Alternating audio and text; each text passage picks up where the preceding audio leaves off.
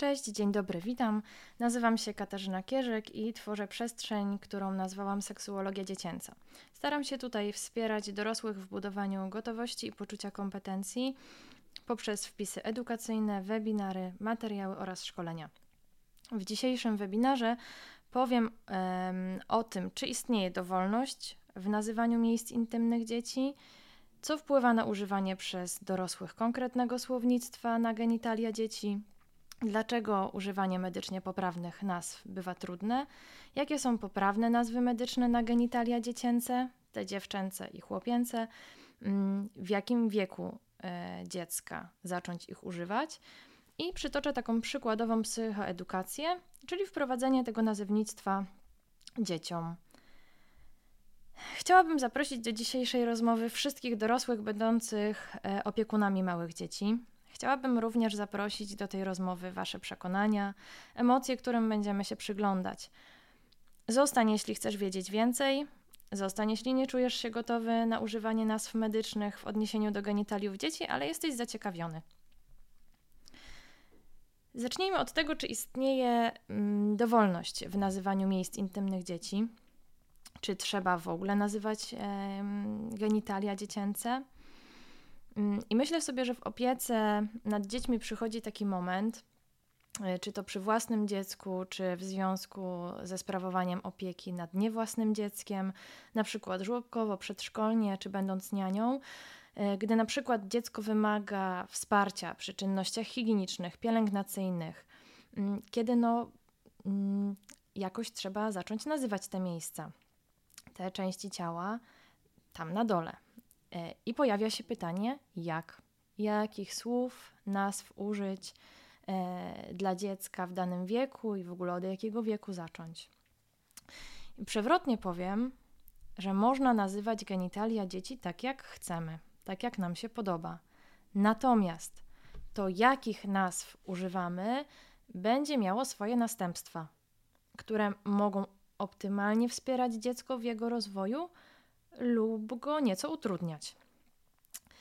Jednak zdecydowanie dobrze jest nazywać e, ciało dzieci, w tym genitalia, mm, a w tym webinarze będę zachęcać do dołączenia do opisów, do słownictwa istniejącego w Waszych domach określeń medycznie poprawnych. Zapytałam Was na stories na Instagramie, jakich nazw używacie w odniesieniu do genitaliów swoich dzieci, jakie nazwy słyszeliście w, y, u innych dorosłych, czy to w rodzinie, czy wśród znajomych, oraz jak nazywano Wasze genitalia, gdy byliście dziećmi. I zabrałam sobie te odpowiedzi na YouTubie, jeśli ktoś ogląda, to jest z wizją i to pokazuje. Dla osób, które słuchają, e, powiem o tym, jakie odpowiedzi się pojawiły.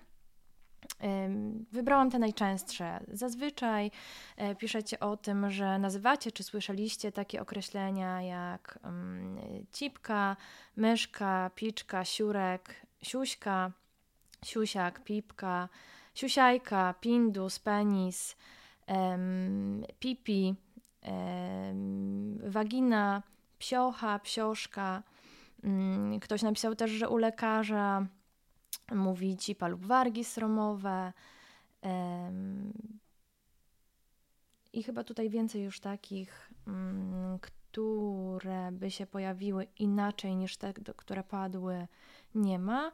Natomiast e, dodam do tego, że mm, z warsztatów e, dla rodziców, które prowadziłam, zasłyszałam również takie nazwy jak e, muszelka, kurka, e, kuciapka, wagina, penis, siusiak, paróweczka, dziabąk czy śmierdziucha. I w związku z tym ostatnim zacznę od tego i powiem wprost, jakich nazw na pewno nie używać.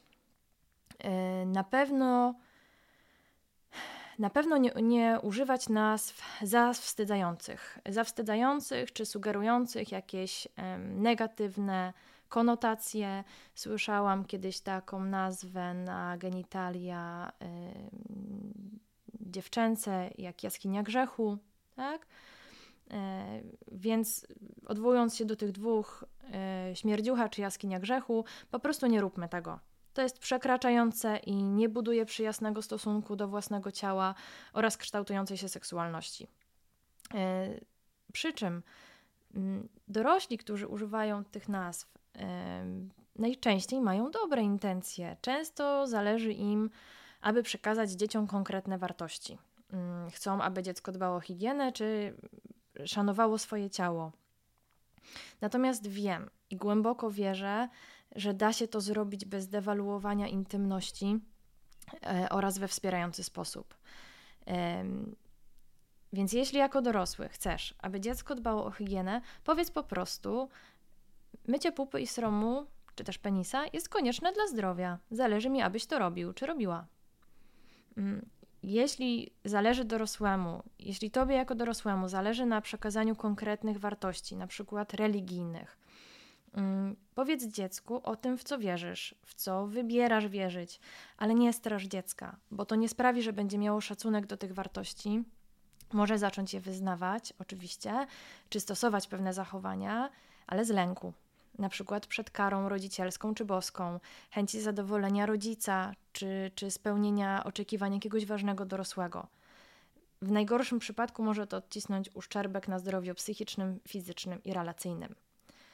E, I tu byśmy mogli dużo mówić e, o komunikatach, jakie padają do dzieci, które dotyczą intymności, a które wzbudzają e, całe mnóstwo poczucia winy czy lęku, ale dzisiejszy webinar nie jest o tym. E, więc podsumowując ten kawałek, e, możesz jako dorosły opowiadać dziecku, co dla ciebie ważne, e, na czym tobie jako dorosłemu opiekunowi zależy w kontekście intymności, genitaliów dziecięcych, bez używania zawstydzających, przekraczających, stygmatyzujących nazw i komunikatów. I podkreślę w tym miejscu, bo bardzo mnie cieszy przesunięcie edukacyjne, jakie ma obecnie miejsce, by zamiast straszenia potencjalnymi zagrożeniami, mm, wrzucania poczucia winy i wstydu, wyposażać dziecko czy nastolatka w wiedzę i umiejętności do zarządzania swoim zdrowiem intymnym i seksualnym. I w przypadku małych dzieci dzieje się to poprzez między innymi taki element jak nazywanie ciała i budowanie pozytywnego stosunku do tego ciała. Eee, z literatury, y, doświadczenia gabinetowego i warsztatowego wynika, że nazewnictwo kolokwialne genitaliów częściej funkcjonuje w użyciu niż medyczne. Widzieliście też to na tym slajdzie, który pokazałam. Y, że słownictwo stricte medyczne, jakie padło, to były wargi sromowe i penis, natomiast reszta to było słownictwo kolokwialne. Dlaczego się tak dzieje? E, najczęściej jest to związane z tym, jak do nas mówiono jakimi, e, z jakimi nazwami się spotkaliśmy w naszym dotychczasowym życiu. Mam tu na myśli doświadczenie rodzinne, e, edukacyjne czy płynące ze środków masowego przekazu. Natomiast na gotowość do używania słownictwa, zwłaszcza medycznego, do opisu genitaliów dziecięcych, będą wpływały m.in. nasze przekonania dotyczące seksualności w ogóle, a w szczególności tej dziecięcej przekazy rodzinne i kulturowe, z którymi mieliśmy styczność, mm, emocje, które się w nas pojawiają, gdy stykamy się z intymnością e, oraz środowisko, w którym żyjemy. Tu mam na myśli pewną otwartość tego środowiska na wspieranie rozwoju seksualnego dziecka, e, czy też tabu językowe, pokoleniowe lub płci. Jest takie dość proste, a jednocześnie uderzające dla mnie ćwiczenie, które pozwala się temu przyglądać, temu naszemu stosunkowi do, e, do zachowań związanych z intymnością, do słownictwa związanego z intymnością, do tego, jak nasze dzieci jakoś się w związku z tym zaczynają e, zachowywać, kiedy, kiedy stykamy się z przejawami tego rozwoju. Mm, I możemy sami u siebie sprawdzić, co się w nas dzieje w styczności właśnie z tymi zachowaniami. E, opowiem dwie sytuacje i proszę, żebyś wyobraził czy wyobraziła sobie, że dotyczą ciebie i twojego dziecka. E, poobserwuj, co się dzieje wtedy na poziomie Twoich emocji, Twoich myśli i co masz ochotę zrobić. Wyobraź sobie swoje dziecko, niemowlę, które łapie się za penisa lub strom, gdy leży na przewijaku bez pieluszki. I dzieje się to przy prawie każdym przewijaniu. Co się wtedy dzieje mm, na poziomie Twoich myśli, na poziomie Twoich emocji, mm, co masz ochotę wtedy zrobić. Hmm? Zazwyczaj, e, kiedy robię to ćwiczenie na warsztatach, pojawia się całe spektrum myśli. E, od takich myśli, ok, jest zaciekawiony swoim ciałem, po takie mm, myśli, nie chcę, żeby się tam e, tak często dotykał czy dotykała, boję się, że coś mu się stanie, jakoś sobie uszkodzi te części ciała, tak? Po takie emocje jak zażenowanie, dyskomfort, czasami zaskoczenie, pospokój. Hmm? Druga sytuacja. Wyobraź sobie swoje dziecko w wieku przedszkolnym, które siedzi w wannie. Mm, wchodzisz do łazienki, a ono ogląda sobie krocze, dotyka je. I dzieje się to bardzo często, zwłaszcza jak dziecko jest w kąpieli, jak dziecko jest nago. Co się pojawia w Twoich myślach, co się pojawia w Twoich emocjach w związku z zetknięciem się z tym zachowaniem, mm, co masz ochotę zrobić. I tutaj również zetknęłam się z różnymi myślami i emocjami e, u rodziców biorących udział w warsztatach, tak? Od tego, że to jest ok, że dziecko jest zaciekawione swoim ciałem, e, po takie mm, myśli związane z obawą, że dziecko jakoś e, nadmiarowo się zaciekawi tym, tym swoim ciałem w kontekście seksualnym, że będzie jakoś coraz, e, jeszcze częściej dotykać się i że to było jakoś nie okej okay dla rodzica, mm, czy pojawiły się też obawy o zdrowie, tak? I również w emocjach od spokoju przez niepewność, zaniepokojenie, dyskomfort, zażenowanie pojawiały się też takie myśli, nie wiem, czy to normalne, tak? Czy muszę jakoś na to zareagować, czy nie muszę w ogóle na to reagować, tak? Mm. I teraz analogicznie. Tak samo zachęcam do przyglądania się myślom i emocjom, gdy słyszysz nazwy medyczne na genitalia i myślisz o tym, że miałbyś czy miałabyś ich używać w stosunku do swojego dziecka. I są to takie nazwy jak srom, vulwa, wagina, pochwa, penis, członek, można.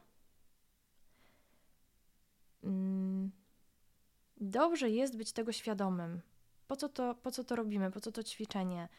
Bo dobrze jest być tego świadomym. Tego, co mi utrudnia, ale też tego, co mi ułatwia wspieranie dziecka w optymalnym rozwoju seksualnym. E, I wracając do tych nazw, które się pojawiły na social mediach, Mm, nazywając ciało dzieciom, dobrze jest się przyglądać też temu, e, dlaczego wybieramy konkretne określenia. Hmm? E, co dostałem, co dostałam w pakiecie wychowawczym, jeżeli chodzi o nazewnictwo genitaliów? E, rozmowy związane ze zdrowiem, rozwojem seksualnym. Dlaczego używam danego konkretnego słownictwa do opisu genitaliów? Dlaczego używam zdrobnień, nazw niemedycznych czy, czy nazw medycznych mm, w danym kontekście czy przy określonych osobach? E, czy słownictwo, którego używam, zapewni mojemu dziecku możliwość precyzyjnego komunikowania się w obrębie intymności? Mam tu na myśli zadbanie o swoje zdrowie, o swoje granice, tak? Najpierw jako to małe dziecko, ale potem jako człowiek dorastający i w końcu dorosły. Mm, czy słownictwo, jakie wybieram, wpływa na kształtowanie pozytywnego stosunku do własnego ciała? Tak? Tutaj znowu wrócę na chwilę do śmierdziuchy. Yy, czy tego typu określenie jest ok, jeżeli chodzi o kształtowanie pozytywnego stosunku do swojego ciała. Tak? ja powiem jednoznacznie, że nie. E, I warto się nad tym w moim mm, odczuciu zastanawiać. Tak? Czy słownictwo dotyczące genitaliów, jakie funkcjonuje w naszych domach, jest użyteczne dla dziecka, czy bardziej czy jest użyteczny dla dziecka, czy bardziej reguluje nasz jakiś poziom dyskomfortu w związku z zetknięciem się z intymnością, czy, czy jest być może pewnego rodzaju parasolem bezpieczeństwa dla naszego poczucia kompetencji w tym temacie. Mm, mam na myśli lęk przed, nie wiem, na przykład zbyt dużym wzbudzeniem u dziecka ciekawości seksualnej, że jak powiem coś zdrobniale albo nazwę kurką, muszelką, e, paróweczką, to dziecko się, nie wiem, jakoś tak nadmiarowo nie rozbudzi. Tak? Jakby zetknęłam się też z taką, z taką obawą czy niepewnością, więc warto się temu przyglądać. Tak? Jakby badania jasno mówią, że prawidłowo wprowadzona psychoedukacja y, dotycząca ciała, zdrowia seksualnego absolutnie nie powoduje e, nadmiernych zachowań seksualnych, nadmiernego rozbudzenia seksualnego. Mm, także gdzieś sobie myślę, że, że zachęcam, żeby się po prostu do tego e, przyglądać, żeby się temu przyglądać. Natomiast mm, chcę powiedzieć teraz coś bardzo ważnego. To, że dyskomfort czy niepewność w zetknięciu z intymnością się pojawiają, to jest to jak najbardziej normalne. To są normalne odczucia.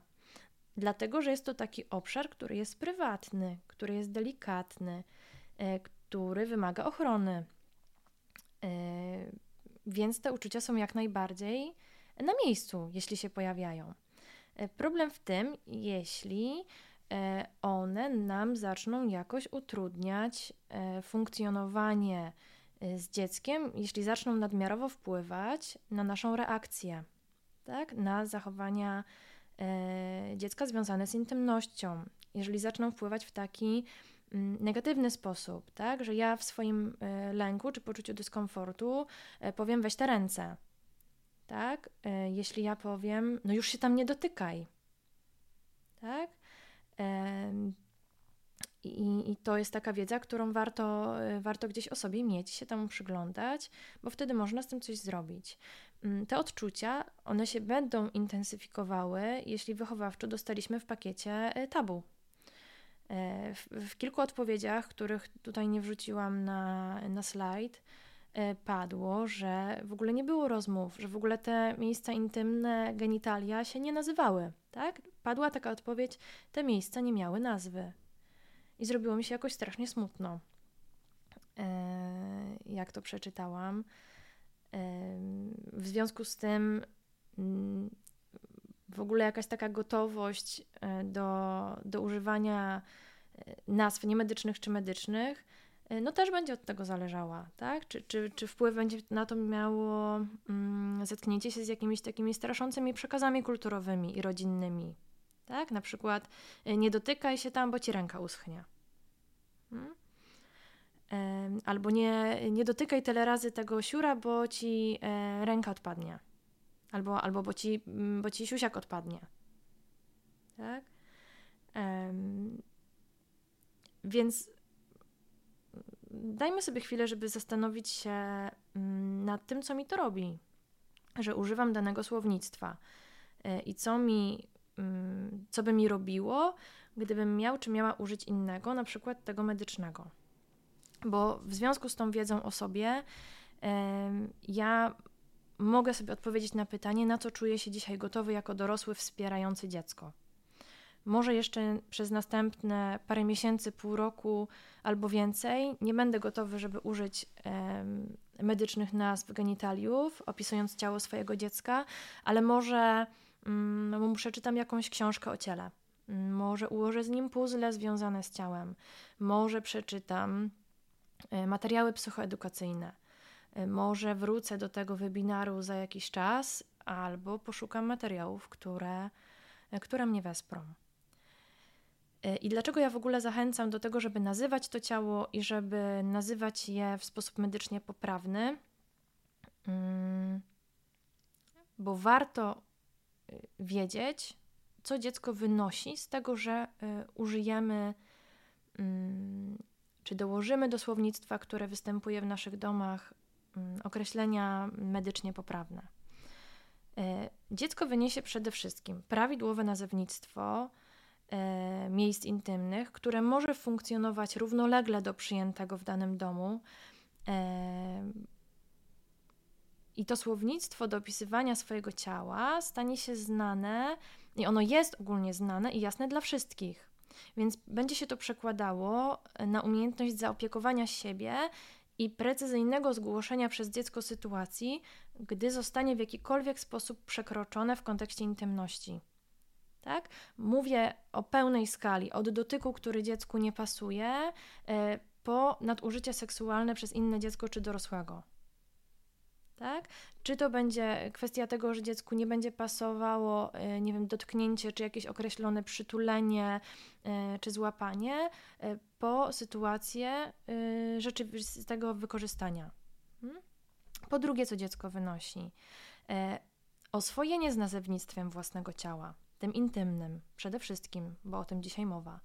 E, dzięki czemu kolejne wyzwania rozwojowe i zmiany, które za sobą e, niosą, wejdzie z większą gotowością i zaufaniem do swojego ciała, siebie i dorosłych, którzy mu w tym towarzyszą. E, potem dziecko zyska też otwartość do rodzica, do rozmów, zyska zyska otwartość rodzica, czyli dorosłego, który z nim rozmawia o ciele, e, zaobserwuje pewien stosunek do seksualności, pełen szacunku dla ciekawości dziecka. Tak? E, kolejną taką wartością, którą dziecko z tego ma, to jest towarzyszenie w rozwoju seksualnym zamiast straszenia czy piętnowania. Hmm? Mm. Rozmawianie zwyczajnie o intymności dostarcza przekazu, że jest to kolejny kawałek świata, doświadczenia, o którym można normalnie rozmawiać. On przestaje być jakoś zagrażający. E, ja jestem zwolennikiem psychoedukacji, która pojawia się mm, w małych dozach, ale często. Wtedy staje się bardziej przyswajalna. Wiedząc o sobie, co się we mnie dzieje, gdy mam styczność z tym tematem, e, który we mnie wzbudza na przykład jakiś rodzaj niepewności czy dyskomfortu, albo y, pojawiają się jakieś trudne myśli, to ja się mogę tym zająć i stworzyć sobie takie warunki jako dorosły, które będą sprzyjać odważaniu się, y, rozmawianiu i nazywaniu. I za to trzymam kciuki. I teraz przejdziemy do tego nazewnictwa. E, jeśli używamy nazw niemedycznych, to w porządku. E, jeśli jednak jest to jedyne słownictwo, które funkcjonuje w naszym domu w odniesieniu do genitaliów, to może się okazać, że dziecko, kiedy użyje go prosząc o pomoc, nie zostanie zrozumiane.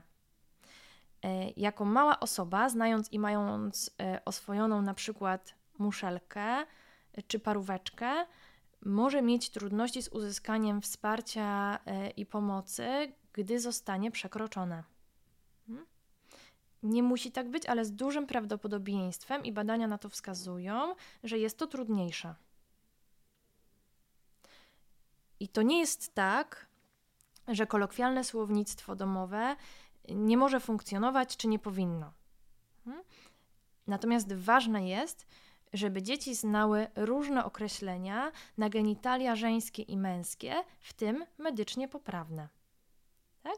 Czyli mogą funkcjonować, y, może funkcjonować y, cipka, y, siusiajka, y, tak? Jakby takie, które Wam pasują, z którymi Wam jest, wam jest ok. Natomiast warto zadbać, żeby dzieci znały też te określenia medycznie poprawne. Dlaczego? Bo w literaturze mówi się najczęściej, że znajomość i używanie poprawnych medycznie nazw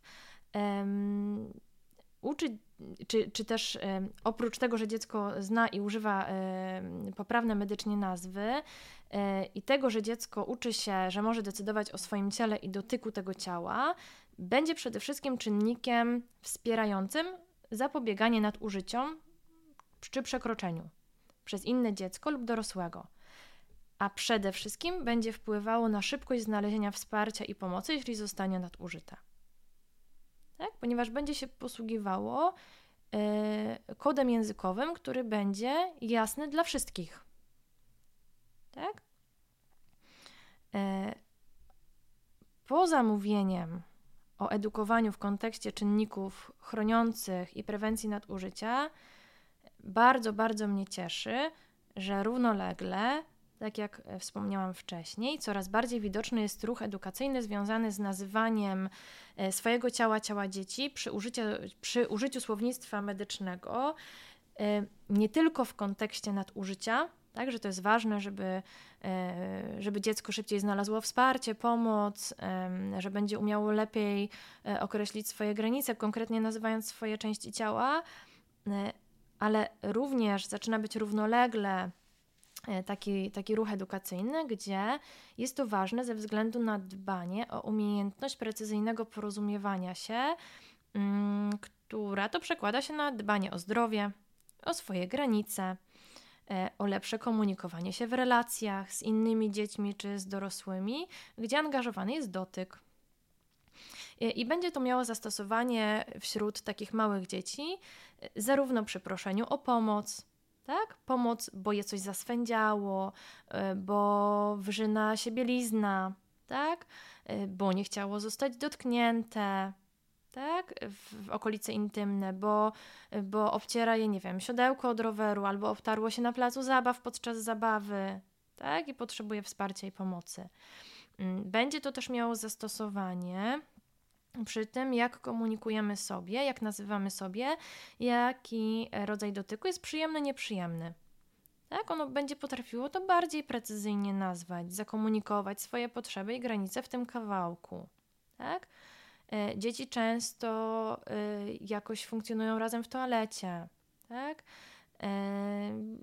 E, są dzieci, dla których to jest ok, że się oglądają nawzajem, są też dzieci, którym jest jakoś z tym nie ok, tak? Na przykład w trakcie mm, defekacji, tak? W trakcie robienia kupy. Dzieciom niektórym nie jest ok, że inni stoją, patrzą dookoła, tak? Ym, więc sobie gdzieś myślę, że, że na, to, na to również. Yy, Precyzyjne nazewnictwo będzie się przekładało też na umiejętność dbania o zdrowie ciała w obrębie genitaliów, tak? Bo dziecko precyzyjniej będzie potrafiło nazwać, co je na przykład boli albo szczypie, tak? Albo będzie y, umiało zasygnalizować swoje granice, tak? Hej, nie chcę, żebyś mnie klepał w pupę w trakcie tej zabawy, tak? Y, no i to, co dziecko z tego też dostanie, to takie ciało pozytywne postrzeganie swojego ciała. Tak? Nazywanie ciała nie musi być zawstydzające czy stygmatyzujące. Hmm? Podsumowując, zasadnym jest znać i używać w życiu codziennym dzieci, poza określeniami kolokwialnymi funkcjonującymi w danym domu, te medyczne nazwy genitaliów, ze względów bezpieczeństwa przede wszystkim, ale również z uwagi na kształtowanie umiejętności e, precyzyjnego komunikowania się, co się będzie przekładało na y, lepsze zarządzanie swoją intymnością, tak? Jakby dbanie o nią zdrowotnie i relacyjnie. E, zostając jeszcze ten ostatni moment przy tym słownictwie kolokwialnym, bo wydaje mi się, że to jest taki kawałek, który trzeba i warto poruszyć. Są głosy, żeby nie używać y, słownictwa, które w pierwotnym y, znaczeniu nie opisuje genitaliów. Tak? I, I tu mam na myśli y, muszelkę, kurkę, dzyndołki, paróweczkę, brzoskwinkę, tak? Pojawiają się takie głosy, nie używaj tego, bo muszelka leży w morzu, tak? Kurka mieszka w kurniku, wprowadza to zamieszanie, niejasność. Jasne, jest to prawdą, że tego typu słownictwo w pierwotnym znaczeniu nie będzie opisywało genitaliów tak? I że może ono wprowadzać trudności w dogadaniu się. I myślę, że dobrze jest być tego świadomym. Jeśli ja jako dorosły używam mm, tego typu słownictwa w swoim domu, to dobrze jest być świadomym, że ono może wprowadzić trudności w dogadaniu się. Tak? Yy, I rzeczywiście pierwotnie nie służy do opisu genitaliów dziecięcych, czy w ogóle genitaliów ludzkich.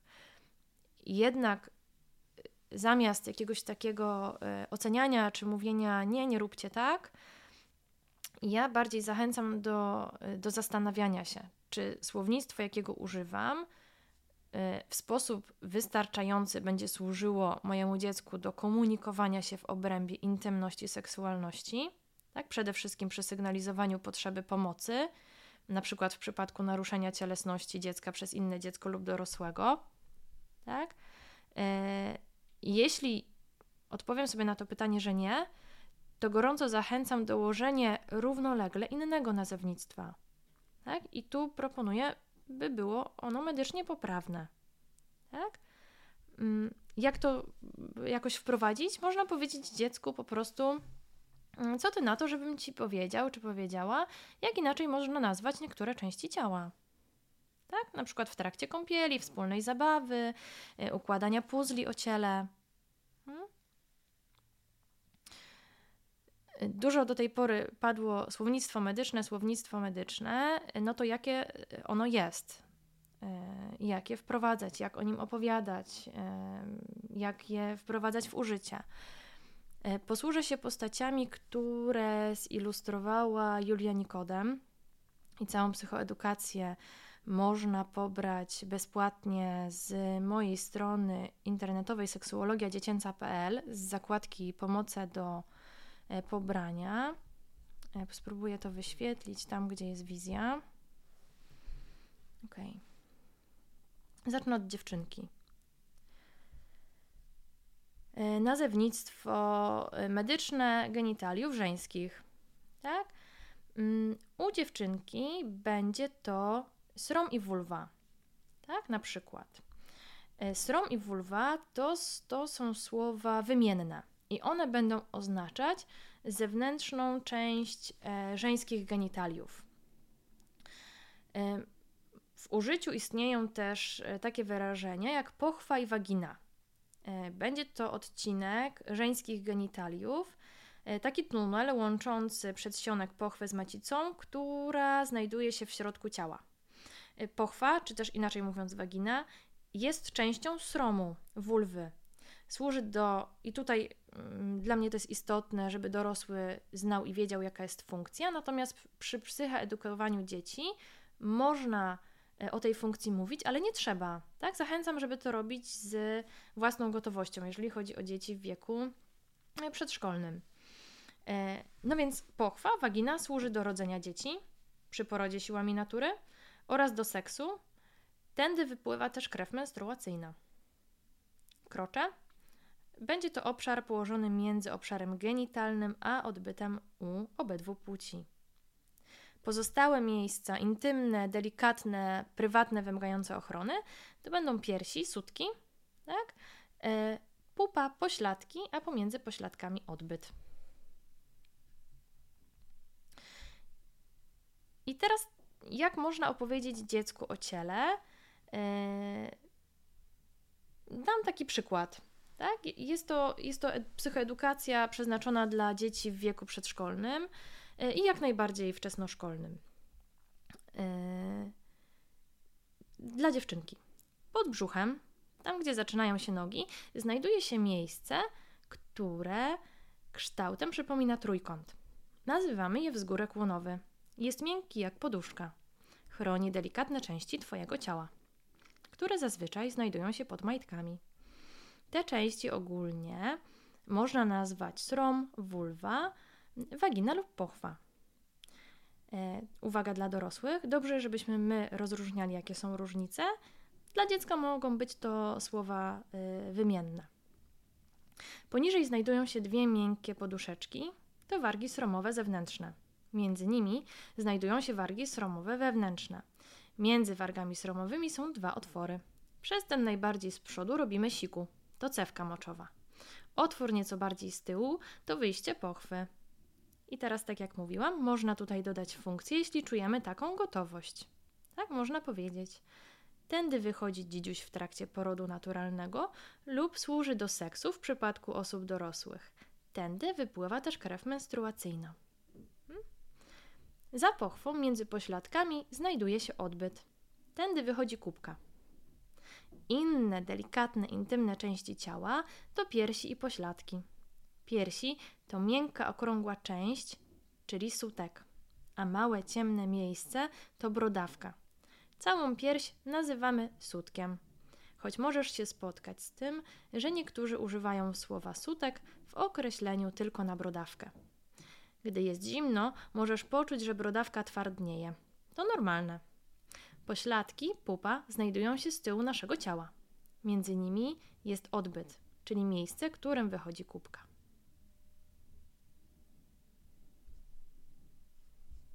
Dobra, mamy dziewczynki.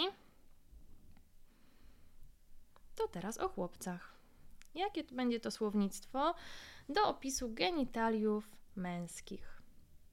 I u chłopców wymiennie mamy prącie, penis, członek do opisu zewnętrznych części męskich genitaliów.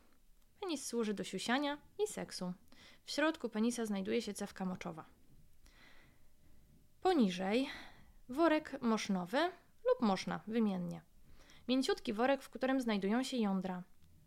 Znajduje się pomiędzy prąciem i odbytem. Jego zadaniem jest utrzymanie jąder w temperaturze nieco niższej niż temperatura całego ciała. Krocze obszar położony pomiędzy obszarem genitalnym a odbytem u obydwu płci. I analogicznie jak dla dziewczynek, piersi, sutki, pupa, pośladki i odbyt. I teraz znowu, jak e, taką psychoedukację wprowadzić e, chłopcu. I znowu można posłużyć się e, wydrukiem, tak? E, lub lalką anatomiczną, puzzlami i powiedzieć tak.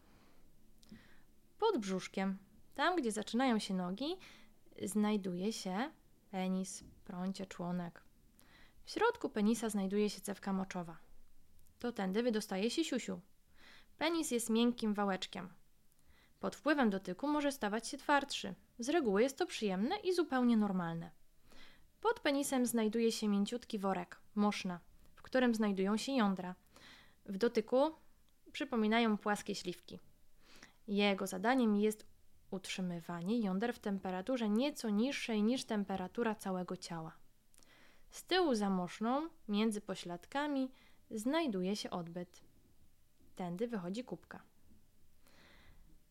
Yy, I znowu inne delikatne, intymne części ciała to piersi i pośladki. Yy, piersi to miękka, okrągła część, czyli sutek, a małe ciemne miejsce to brodawka. Całą pierś nazywamy sutkiem, choć możesz się spotkać z tym, że niektórzy używają słowa sutek w określeniu na brodawkę. Gdy jest zimno, możesz poczuć, że brodawka twardnieje, to normalne. Pośladki pupa znajdują się z tyłu naszego ciała. Tak? E, chociaż o pośladkach i pupie mówiłam już trochę wcześniej. E, I teraz znowu. E, można też e, użyć funkcji tak? Czyli jak mówimy, że mm, penis jest miękkim wałeczkiem, tak? Y, to można też powiedzieć, że y, penis służy do siusiania oraz w przypadku dorosłych do seksu. Tak? Jeżeli czujemy się na to gotowi, to możemy y, dodać oczywiście funkcję, tak? E, dlaczego o tym mówię? Bo bywa, że używamy do opisu e, genitaliów dziecięcych, męskich, żeńskich, e, też takich słów jak siusiak, siusiajka. I znowu mm, to jest ok. Jednocześnie zwraca uwagę to akurat słownictwo do jednej, jedynej funkcji tego narządu.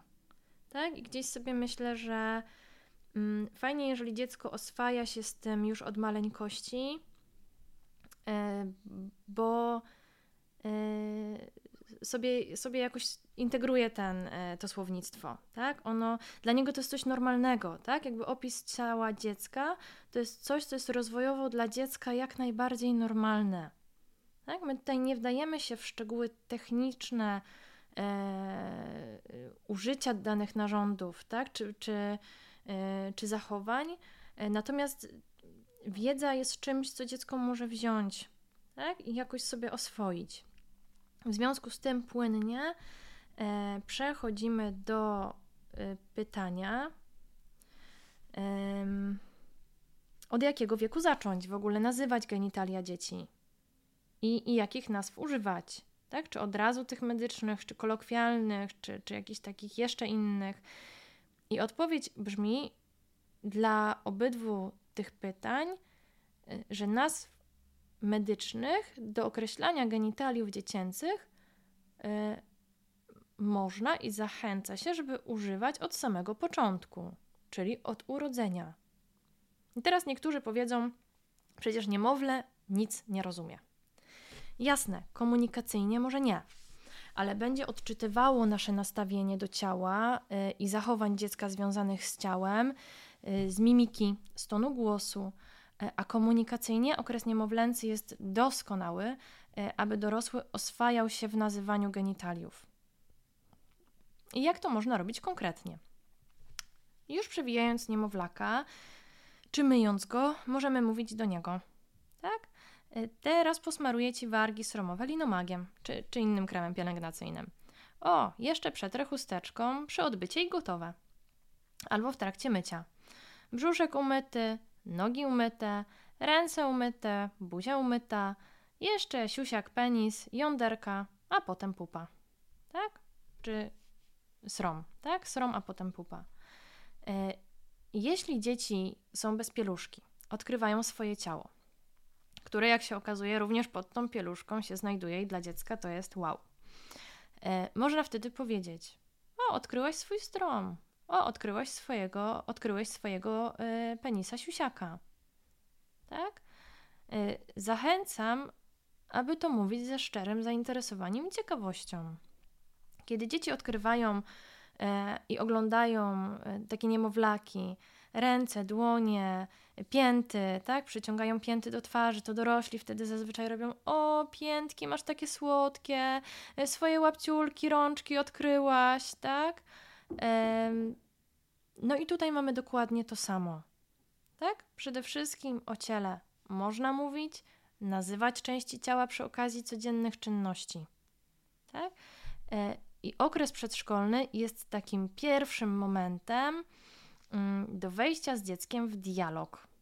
I tutaj, jak dziecko zaczyna e, nam funkcjonować przy pomocy e, słów i zaczyna się rozwijać komunikacyjnie, e, to to jest taki moment do wejścia z dzieckiem w ten dialog w kontekście rozwoju seksualnego.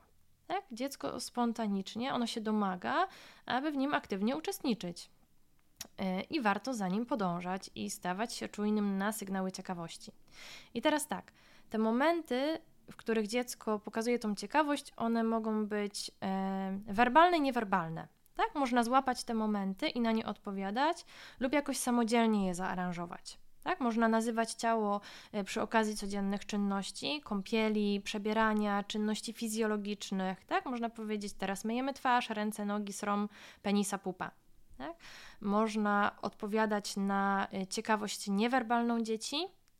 Można e, złapać pewien rodzaj, nie wiem, przyglądania się i powiedzieć: Hmm, zauważyłam, że się przyglądasz.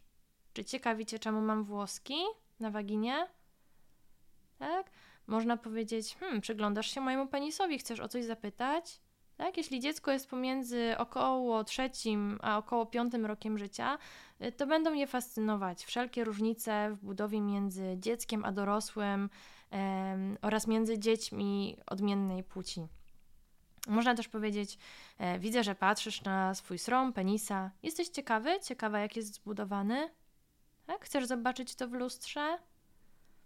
Mm, Także zachęcam do tego, żeby, żeby wyłapywać te momenty, e, jeżeli czujemy się na to gotowi. Tak? Mm, padło y, takim ostatnim kawałkiem, który tutaj dzisiaj e, poruszymy. E, chciałabym odpowiedzieć na takie pytanie, które padło w mediach społecznościowych. Jak dzieciom przekazać, że są to miejsca prywatne, wrażliwe, delikatne, których nie pokazujemy wszystkim, E, jak to zrobić we wspierający sposób, dbając e, o pozytywne nastawienie do ciała bez zawstydzania. E, I żeby to zrobić, mam poczucie jak najbardziej praktycznie, to postanowiłam przytoczyć krótką psychoedukację i w niej nacisk położyłam na nazewnictwo genitaliów żeńskich, męskich, zasadę prywatności, intymności, czyli że Mm, te części ciała są takie nasze, wymagające ochrony, delikatności, e, na normy dotyczące nagości oraz obopólnej zgody, ale w odniesieniu do, do tej intymności i nagości panującej e, w domach. E, zasadę o tym, że dziecko ma prawo decydowania e, o swoim ciele i dotyku tego ciała oraz o wyjątkach dotyczących kontaktu fizycznego z innymi. I, I, zanim w ogóle jakoś będziemy e, mówić o ciele, e, to warto zaaranżować jakąś zabawę. Tak? Na przykład jest to jeden ze sposobów. Można pociąć karty postaci, które są dostępne też w, w, w tej psychoedukacji, którą spróbuję jakoś to pokazać tutaj, która jest dostępna do pobrania bezpłatnie na mojej stronie. Mamy dziewczynę i mamy e, chłopca. E, I można jak najbardziej na przykład te postaci e, pociąć, ułożyć e, z nich puzzle, przykleić na kartkę e, albo zalaminować, tak? I, I, można po nich e, mazać mazakiem, tak? Jak w, tej, w tych materiałach, które przygotowałam, też jest taka przykładowa gra oswajająca nazewnictwo miejsc intymnych. Natomiast Przytoczę taką psychoedukację, którą napisałam dość szczegółowo i moim celem było napisanie ją obszernie, więc y, zachęcam, żeby ją stosować. Można to robić partiami albo na raz. Mm, natomiast chciałam te wszystkie elementy w niej, w niej ująć. No i teraz, jak to można robić?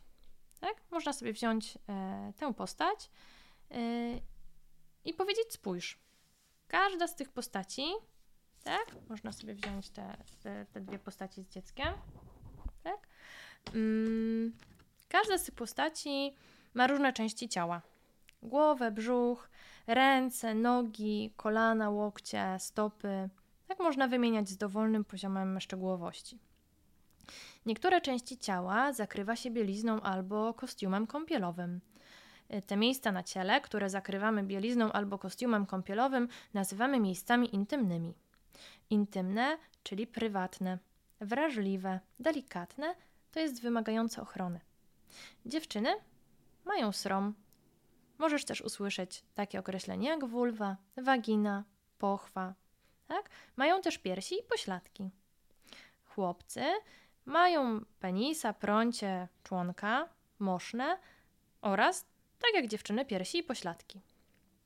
My używamy zazwyczaj nazwy, i tu można odwołać się do słownictwa używanego e, na co dzień w domu, opisującego miejsce intymne. Jeśli dziecko dopytuje, dlaczego zakrywamy te części ciała, to można je zapytać: Hmm, a zauważyłeś, by ludzie chodzili na golasa w sklepie, w przedszkolu, na chodniku, tak i tym podobne. Hmm, i tutaj dzięki temu możemy powiedzieć dziecku o zasadzie prywatności i intymności. I można to zrobić na przykład tak. Hmm, raczej ludzie nie chodzą nago w sklepie, w przedszkolu, na chodniku. Tak? To dlatego, że nie pokazujemy naszych miejsc intymnych publicznie. To znaczy, że zakrywamy je, gdy przebywamy z innymi. Nie jesteśmy sami. Tak? Mm. I teraz uwaga, bo tu mogą być wyjątki odnośnie zasady nagości w danych domach e, i można je przytoczyć. Możesz zauważyć, że w naszym domu chodzimy czasami przy sobie na golasa, bo jest nam z tym ok. Wszyscy się na to zgadzamy. Jeśli komuś przestanie to pasować, możemy o tym porozmawiać. Jeśli będzie trzeba, wprowadzimy zmiany. Tak? To jest ta zasada obopólnej zgody, że wszyscy uczestnicy jakiegoś kontaktu muszą się na niego zgodzić. Wszystkim musi być z tym ok, i może przyjść taki moment, że to, co do tej pory było ok, już nie jest. Tak? I to obowiązuje zarówno dorosłych i dzieci. Eee, no i teraz dalej. Czasami my, rodzice, opiekunowie w przedszkolu, pomagamy Tobie w czynnościach higienicznych. Myjemy, przebieramy, wycieramy pupę, Wtedy dotykamy Twoich miejsc intymnych. Jeśli nie będziesz chcieć pomocy dorosłego, możesz zawsze o tym powiedzieć. Tak? Ty o tym decydujesz.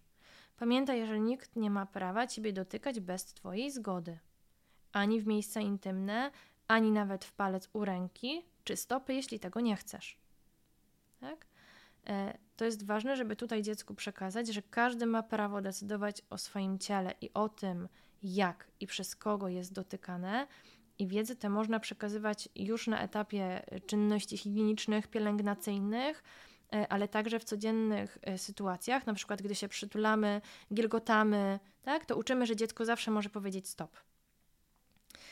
I ostatnia część tej psychoedukacji, czyli wyjątki.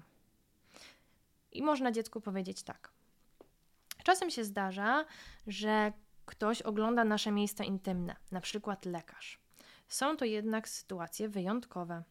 Wtedy takie osoby muszą wytłumaczyć dziecku, dlaczego to robią. Na przykład potrzebują posłuchać bicia serca.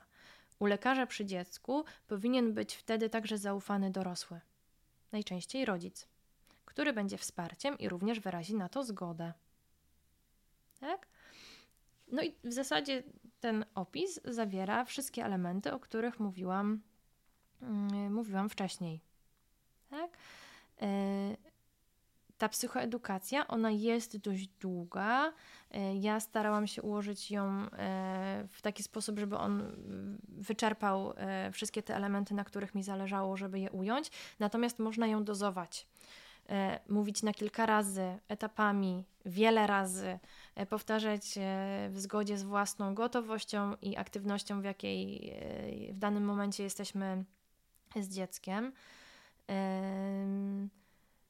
I myślę sobie, że to jest jakoś użyteczne, tak, żeby to wprowadzać często, ale partiami. Takie maleńkie dziecko wystarczy, że będzie miało nazwane te części ciała, tak? Y, można potem dołożyć jakoś y, do tego funkcję, można potem dołożyć do tego y, zasadę prywatności, obopólnej zgody, tak? Można to robić naprawdę etapowo. Zależało mi tutaj, żeby dostarczyć Wam użytecznego słownictwa, którym można się posługiwać, żeby zwiększyć poziom poczucia kompetencji do, do rozmów, do nazywania ciała dzieci. Mm, mam nadzieję, że to się jakoś udało, więc jeśli to są treści, które e, Ciebie jako dorosłego wspierają, e, są Tobie potrzebne, aby towarzyszyć dziecku w rozwoju seksualnym, zostań ze mną. Subskrybuj kanał. Wszystkie odcinki e, webinarów Wprost, nie wprost są dostępne na YouTubie. Należy wpisać wprost, nie wprost seksuologia dziecięca oraz na platformach podcastowych. E, linki są na stronie internetowej seksuologiadziecięca.pl w zakładce wprost, nie wprost. E, do usłyszenia następnym razem.